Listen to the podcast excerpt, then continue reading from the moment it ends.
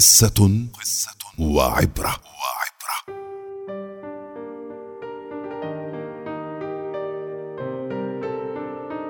يحكى أن أخوين عاشا مدة طويلة بالاتفاق والمحبة وكانا يعيشان في الريف في بيتين منفردين.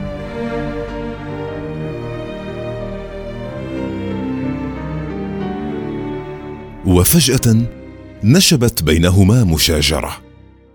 نشا الخلاف بسوء فهم طفيف وازداد إلى أن نشبت مشاحنة أعقبتها أسابيع صمت مطبق وخصام.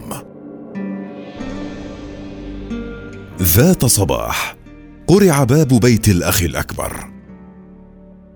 فتح الباب وإذا به أمام رجل يحمل أدوات نجارة. فقال له إني أبحث عن عمل لبضعة أيام.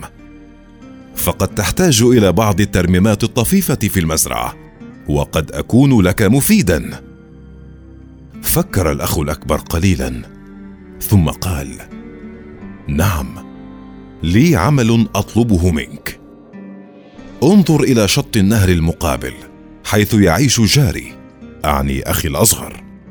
حتى الأسبوع الماضي كان هناك مرج بديع بيننا غير أنه حول مجرى النهر ليفصل بيننا. قصد ذلك لإثارتي. غير أني سأتدبر ما يناسبه. أترى الخشب المرصوف هناك قرب مخزن القمح؟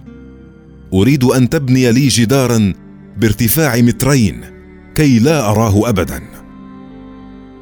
أجاب النجار يبدو لي أنني فهمت الوضع.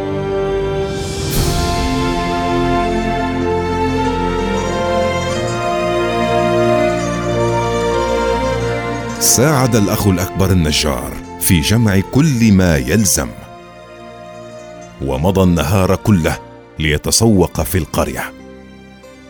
وعند المساء عاد إلى المزرعة فوجد النجار يرتاح وقد أتم عمله لكنه دهش مما رآه.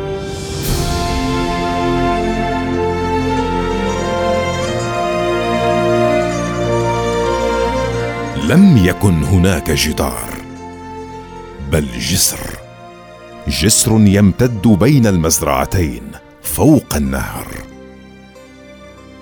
وفي تلك اللحظة أتى أخوه الأصغر من مزرعته وعانقه قائلا يا لك من أخ رائع بنيت هذا الجسر الرائع بعد كل ما فعلته بك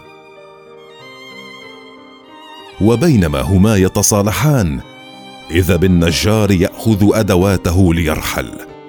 فقال له الأخ الأكبر انتظر أرجوك أن تبقى بضعة أيام أخرى فالعمل لدي كثير. فأجابه النجار كنت أبقى بطيبة خاطر لولا كثرة الجسور التي تنتظرني.